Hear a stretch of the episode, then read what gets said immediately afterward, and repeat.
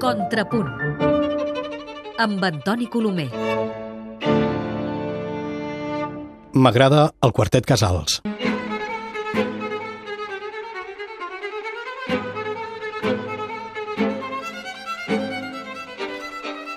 Diu la llegenda que el quartet Borodín va visitar la casa de Dmitri Shostakovich a Moscou l'any 1956. Durant aquesta visita van interpretar per al compositor el seu quartet número 8 per tal de tractar amb ell alguns detalls tècnics i interpretatius de l'obra. Shostakovich va escoltar tota l'obra amb el cap entre les mans i en acabar el darrer dels cinc moviments, els membres del Borodín van contemplar com continuaven la mateixa posició que al començament i plorant. Sense dir res, van recollir els seus instruments i van marxar. Una cosa similar podrien haver fet els membres del quartet Casals després de deixar-nos clavats a la cadira amb la seva sensacional interpretació del quartet número 8 de Shostakovich a la sala de cambra de l'Auditori.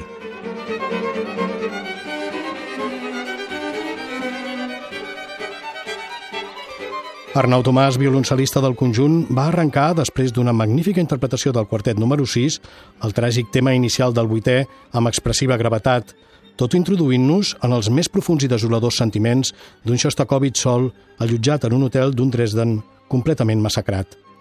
Una vegada exposat el criptograma musical amb les inicials del compositor, Jonathan Brown repeteix el tema, com en un cànon, aportant color amb la seva viola i obrint pas als violins de Bel Tomàs i de Vera Martínez Mener, que fan augmentar la sensació de desesperació melangiosa que acaba esclatant en l'Allegro Molto del segon moviment.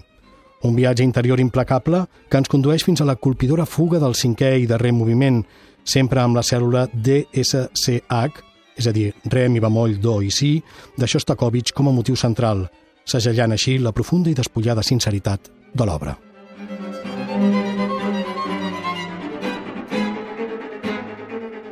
A més del quartet número 8, com hem comentat, el quartet Casals va interpretar en aquest últim concert de cambra de la temporada a l'Auditori el quartet número 6 i també el número 5, tots ells amb resultats extraordinaris.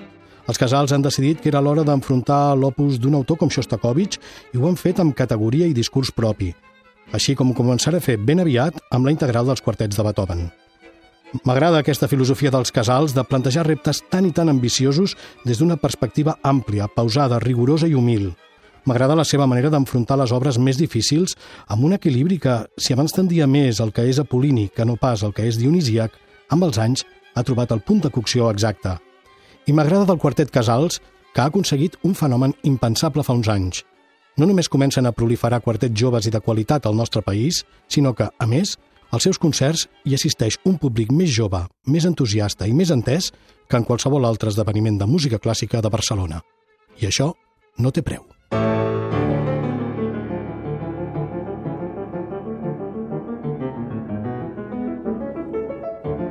Contrapunt amb Antoni Colomer.